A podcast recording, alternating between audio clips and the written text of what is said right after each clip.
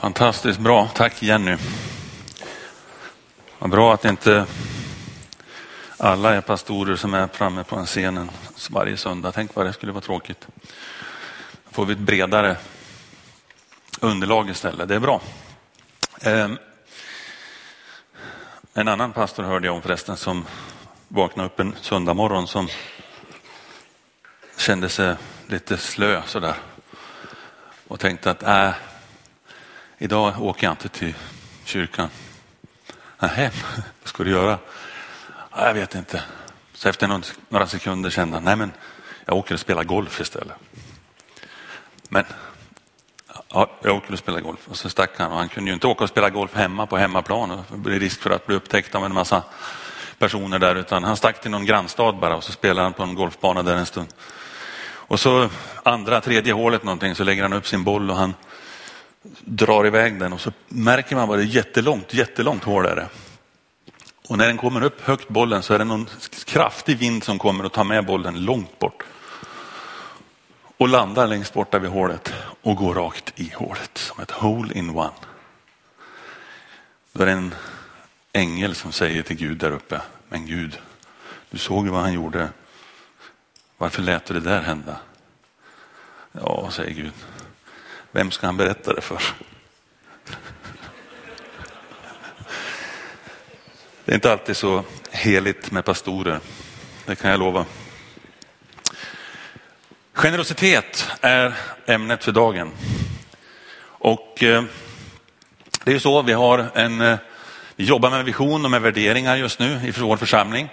Där visionen just nu står så här, älska varje människa till Gud. Och den är lite fortfarande under arbete så här, hur den ska formuleras. Men just nu så är det orden. Sen har vi några av de här posterna då som du ser där. Och idag så fokuserar vi framförallt då på den som du ser där, den fjärde. Vi är generösa. Okej. Okay. Vi ska läsa ett bibelställe först. Och det är från andra Korinthierbrevet och det står så här. Och Gud har makt att ge er all nåd i överflöd.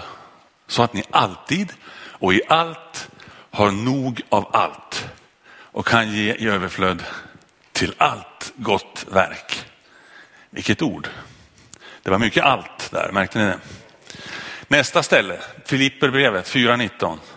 Så ska min Gud efter sin rikedom på ett härligt sätt i Kristus Jesus ge er allt ni behöver.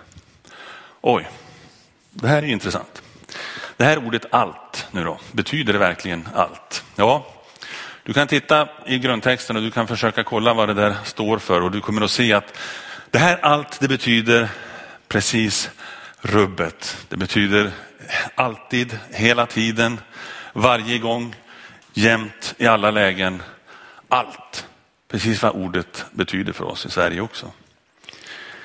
Och det här brevet, ja bland annat då Filipperbrevet, det sista där, det, det, avslutas med det här stora löftet. För det är ju ett gigantiskt löfte att säga att Jesus kan vara med och ge oss allt vi behöver.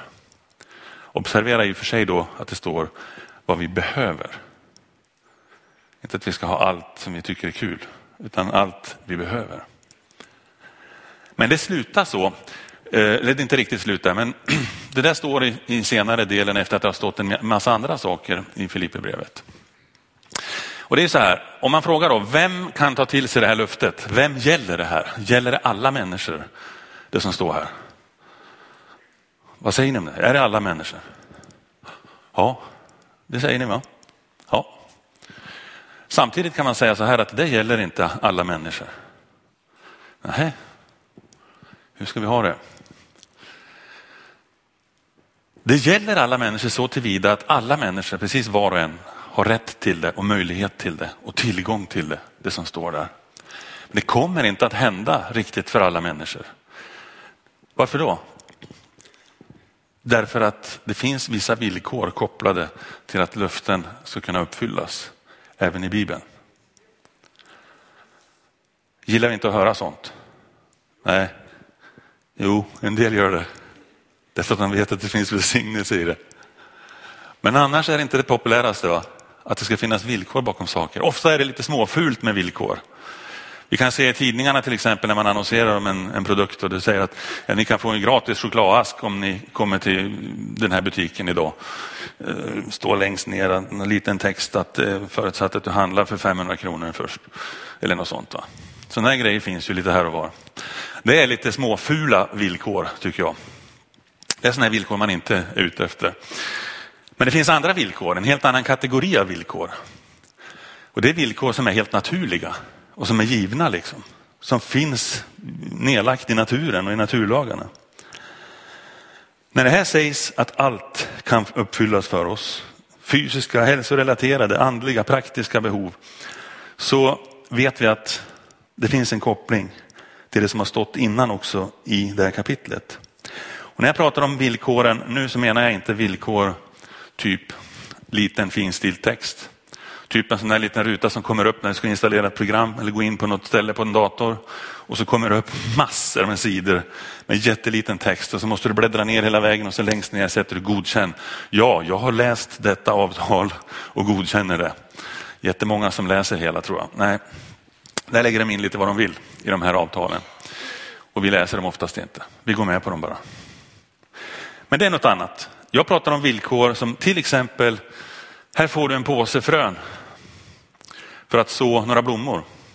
Okej, okay, tack. Om du sätter de här fröna i jorden och ger tillräckligt bra förutsättningar för att det ska växa så kommer du att få upp blommor av de här fröna. Va? Ja, men det förutsätter ju någonting. Det finns vissa villkor. Du kan inte ha kvar dem i påsen, lägga dem i fickan och bara vänta på att blommorna ska komma ut därifrån. Utan det finns vissa villkor som är naturliga och som inte är fula villkor som någon liksom slänger på en utan som är villkor bara som är helt givna. Det här, det här krävs för att det ska kunna hända. Och det är den typen, den kategorin, den nivån av villkor jag tänker mig Bibeln ställer i sådana här sammanhang med sina luften. Vi har ett dilemma ibland i den här frågan när det gäller att vara generös, att ge och att tala och berätta om hur det går när man ger. Och det är det att eh, vi berättar ofta hur bra det är att ge till Guds verk, att ge till andra människor, hjälpa människor att vara generös. Därför att man får tillbaka så väldigt mycket av det. Och det är ju helt sant. Ibland kan det dock bli så, ibland kan man känna om man sitter och hör fem sådana historier i rad, att det börjar liksom växa upp en liten tanke i skallen här. Det här är en intressant affärsidé för allt i världen. Uh, ska vi se, man kan alltså göra så här. Nu kan man ju sluta spara aktier eller, eller köpa lotter eller någonting. För det här verkar ju vara ännu smartare. Varför då? Ja, för att det ska bli mer pengar till mig. För att jag ska klara mig bättre. Och då är det inte riktigt den generositeten vi kanske är ute efter och pratar om. Eh, för det handlar inte om egoism i det första hand. Men ibland slår de där tankarna en lite grann. Jaha, det där är ett smart sätt. Generositeten jag pratar om, den ska finnas i hjärtat.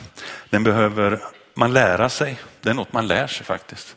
Inte, ja, en del verkar ha det medfött och är fantastiska på det. Men eh, har man inte det så får man försöka lära sig det. Jag försöker lära mig det och jag är absolut inte färdig med det. Det kan jag säga direkt från början. Men så är det. Det är viktigt att hitta att få bli generös i vår natur. Det finns som sagt en massa löften i vår bibel. Det finns ungefär 7000 löften säger man i bibeln. Det är väldigt mycket. Och de löften som är kopplade till generositet, det är de som ligger i topp. Om man skulle göra en lista av vad de har för kopplingar, de här löftena. Hela tiden återkommer det sådana som har med generositet att göra. Det är inte bara pengar vi pratar om här. Naturligtvis inte. Det handlar om tid, det handlar om engagemang, det handlar om energi som du är med och ger folk. Det handlar om eh, uppmuntran, att lyfta andra människor, att vara god och hjälpa. Du kanske kan hjälpa till med tjänster eller någonting annat. Det är generositet också. Det är inte bara pengar vi pratar om. Varför är då generositet så viktigt och varför är det så tydligt återkommande och frekvent i Bibeln? Därför att Generositet, det är kärlek in action. Det är när kärlek börjar göra någonting också. Generositet är det. Man kan ge till folk eller till någon rörelse eller någonting utan att för den skull älska. Men det är väldigt svårt att älska någon utan att sen vilja ge av sig själv, av sin tid, av sina resurser. Hitta den mångfacetterade välsignelsen i att vara generös. Jesus han sa att det är saligare att ge än att få. Och att vara generös det är att bjuda på sig själv. Det är ju en sak att bjuda på andra prylar. Det finns det en del som gör. Eh, och ibland ska det vara så, men det är ju inte den generositeten jag pratar om. Andras bekostnad på något sätt. Känner ni igen den här snubben? Eh, han har, det finns mycket trevligt och gulligt med honom och han har, det händer bra saker i, i den serien. Karl-Bertil Jonsson, eller ingen serie, men ett program som vi ofta ser, får se på julafton. Ganska kul. Men eh, det är inte riktigt heller den varianten, att gå och sno andra personers tillgångar för att, att ge och sen själv framstå som generös på något sätt. Nu ska vi gå vidare här då. Eh, med utgångspunkt också från Ordspråksbokens 21 kapitel där det står så här. Den snikne är alltid full av snikenhet, men den rättfärdige ger och spar inte. En annan översättning säger att den snåle, han vill bara ha mer och mer. Nu går vi in i några punkter här då som bygger på en grundtes som säger längst upp. Varje gång som jag är generös så får jag tacksamhet från andra. Ja, det är ju inte så konstigt. Det var väl ganska enkel sanning. Det är generöst att ge någonting till någon och då blir man tacksam.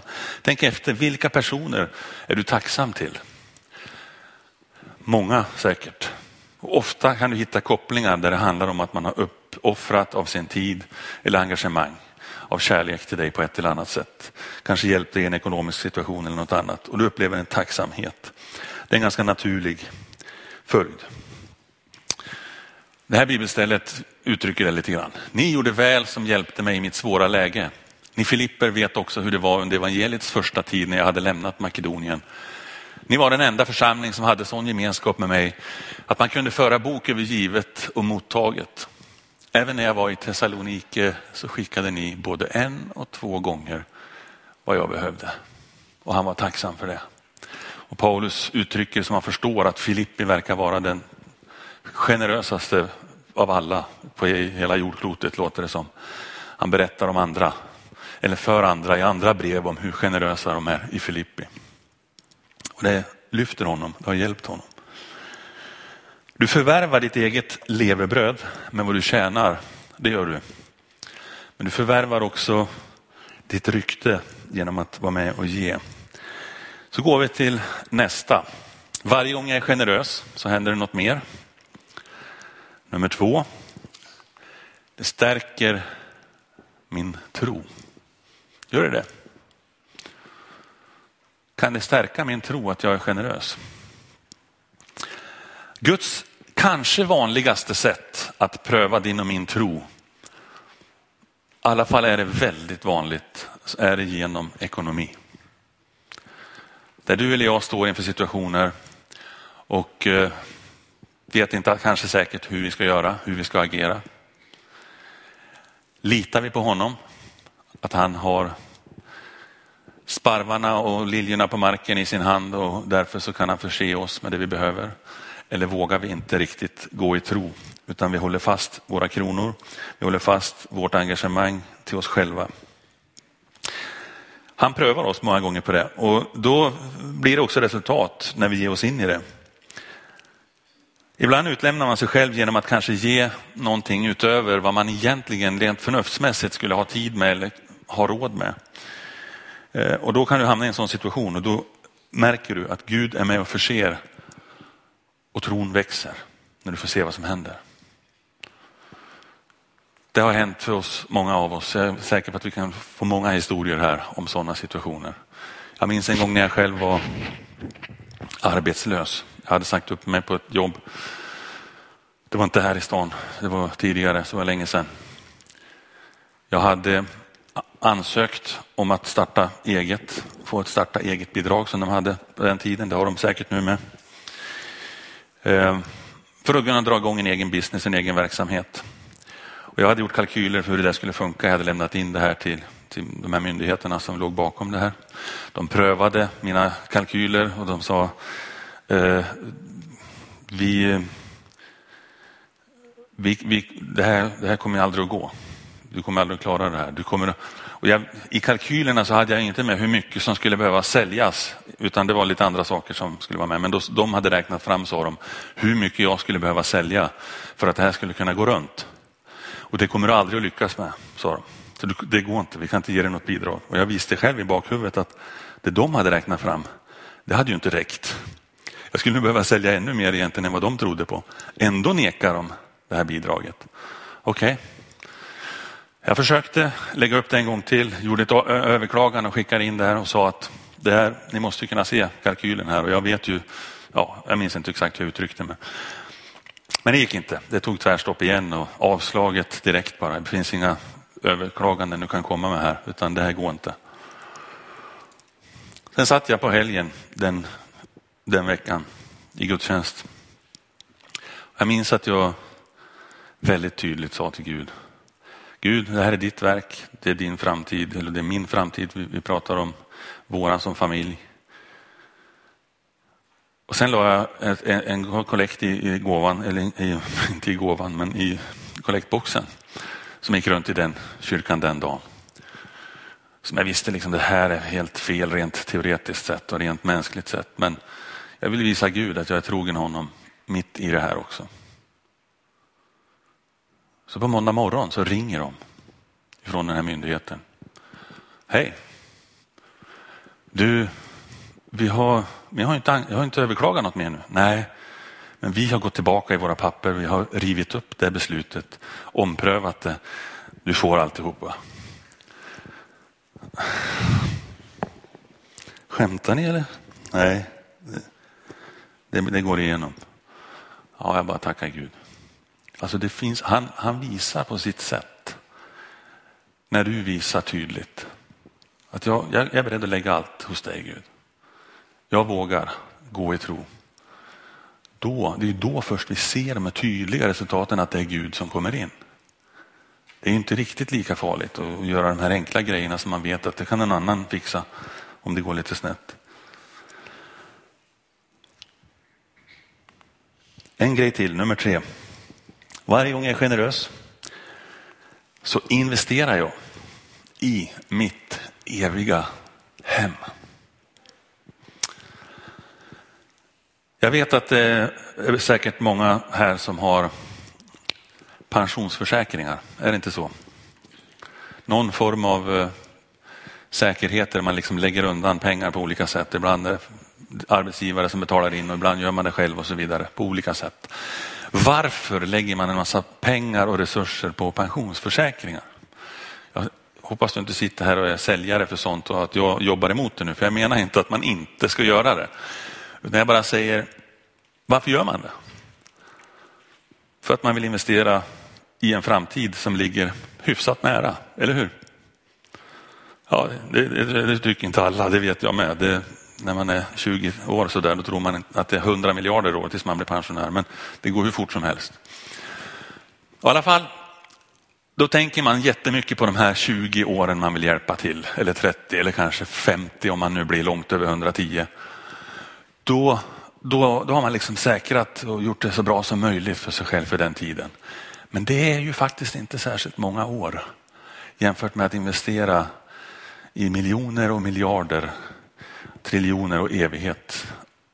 Många år egentligen, där din evighet ska vara. Man kan ju bara inte göra det misstaget att man satsar järnet på de 30-40 åren det kanske handlar om och struntar i resten av, dem, av evigheten. Du investerar i ditt eviga hem också med generositet. Första Timoteusbrevet säger, säg till de som är rika att inte vara högfärdiga och att inte lita på pengar som plötsligt kan mista sitt värde. De ska istället lita på den levande guden som alltid ger oss rikligt av allt vi behöver. Se åt dem att använda sina pengar till att göra gott. De bör vara rika i goda gärningar och med glädje ge åt dem som behöver.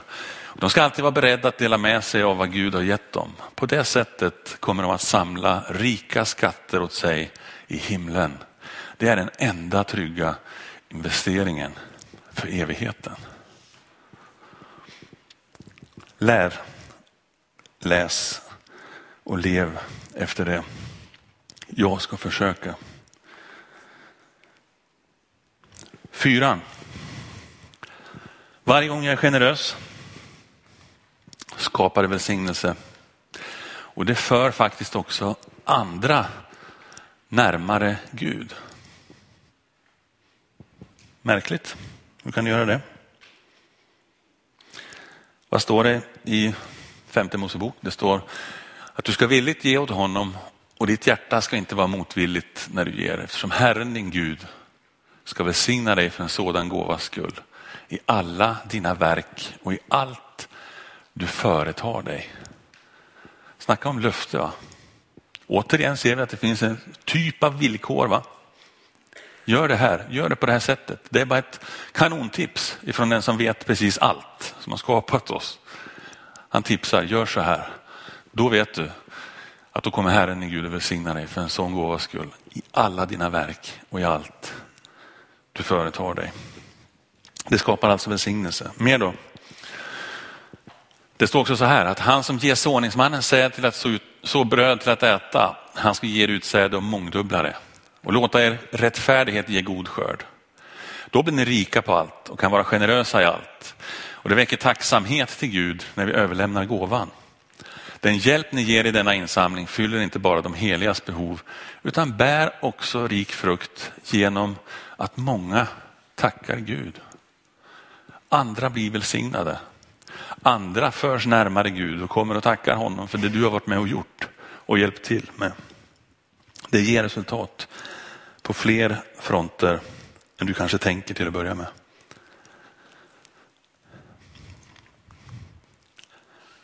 Nummer fem.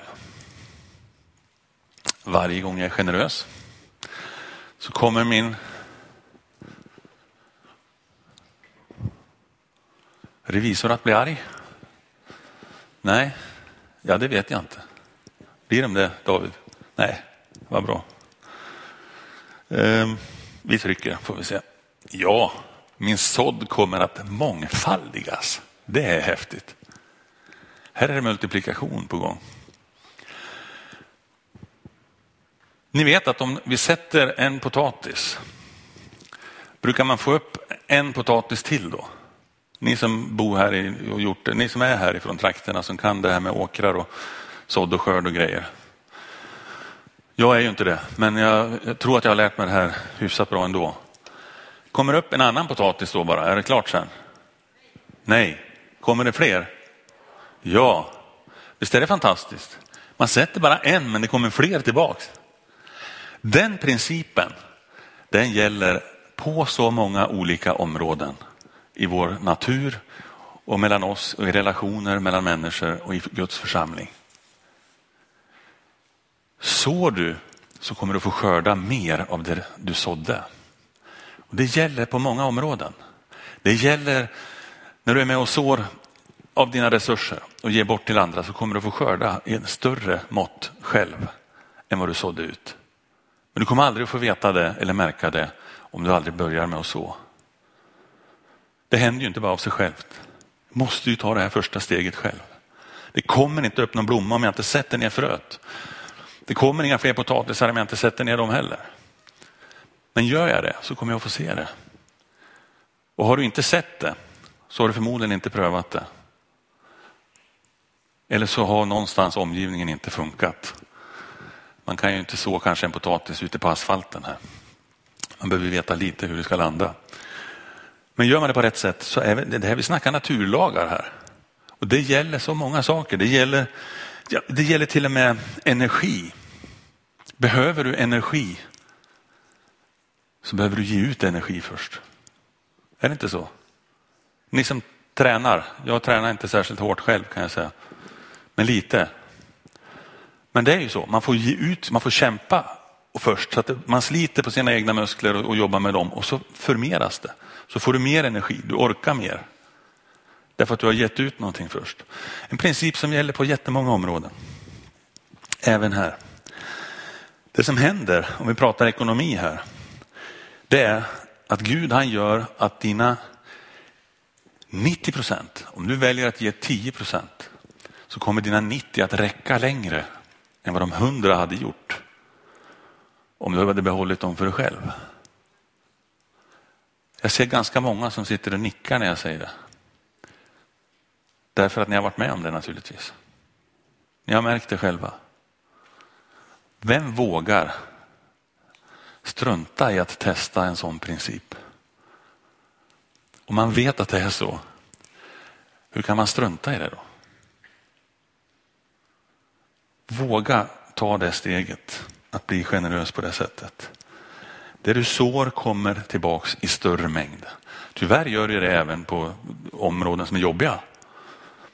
Pratar du väldigt illa om folk väldigt mycket och så här så kommer det tillbaks ännu mer till, mot dig.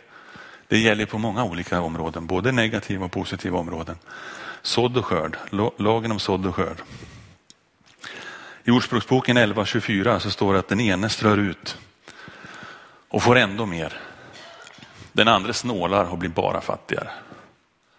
En generös själ blir rikt mättad och den som vederkvicker andra blir själv vederkvickt. Riktigt bra ställen det här. Låt mig ta ett sista punkt också. Varje gång jag är generös så gör jag så att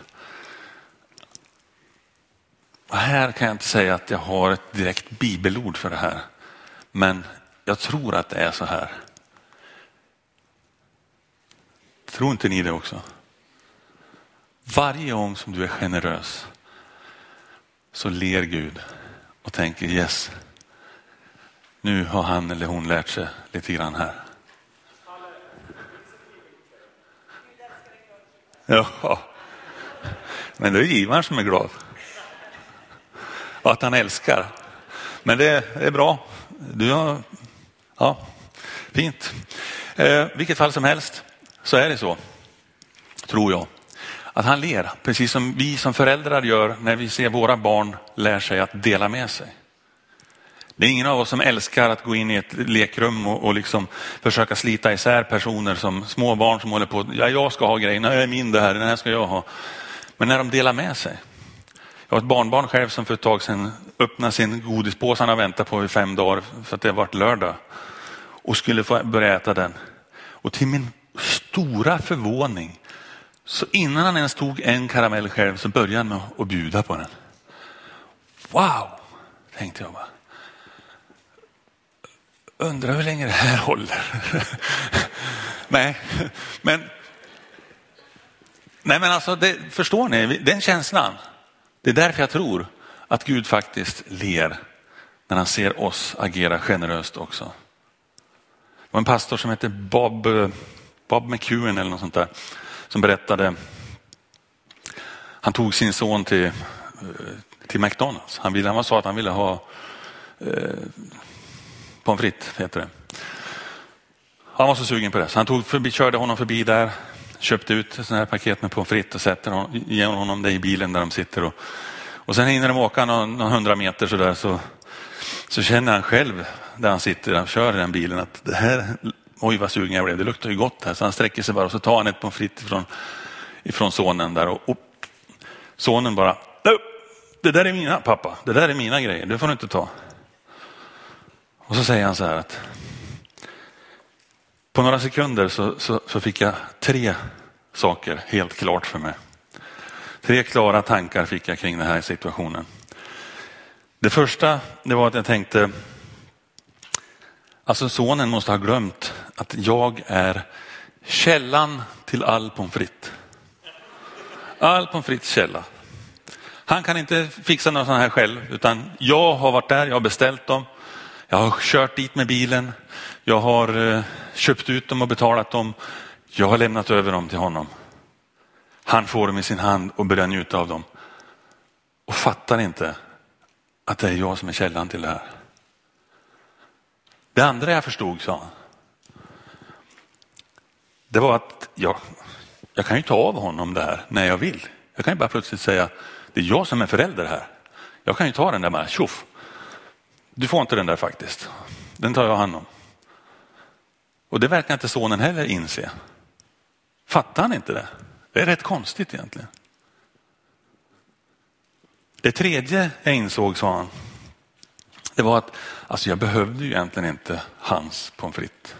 Jag hade ju faktiskt kunnat köpt tio paket själv om jag ville. Det hade inte varit några problem.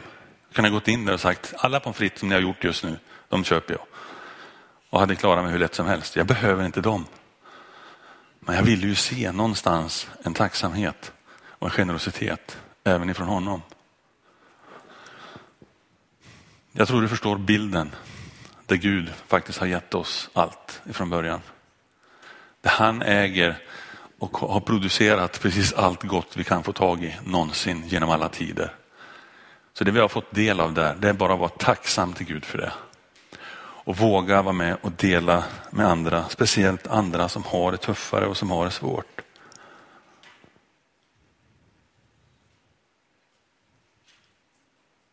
Amen.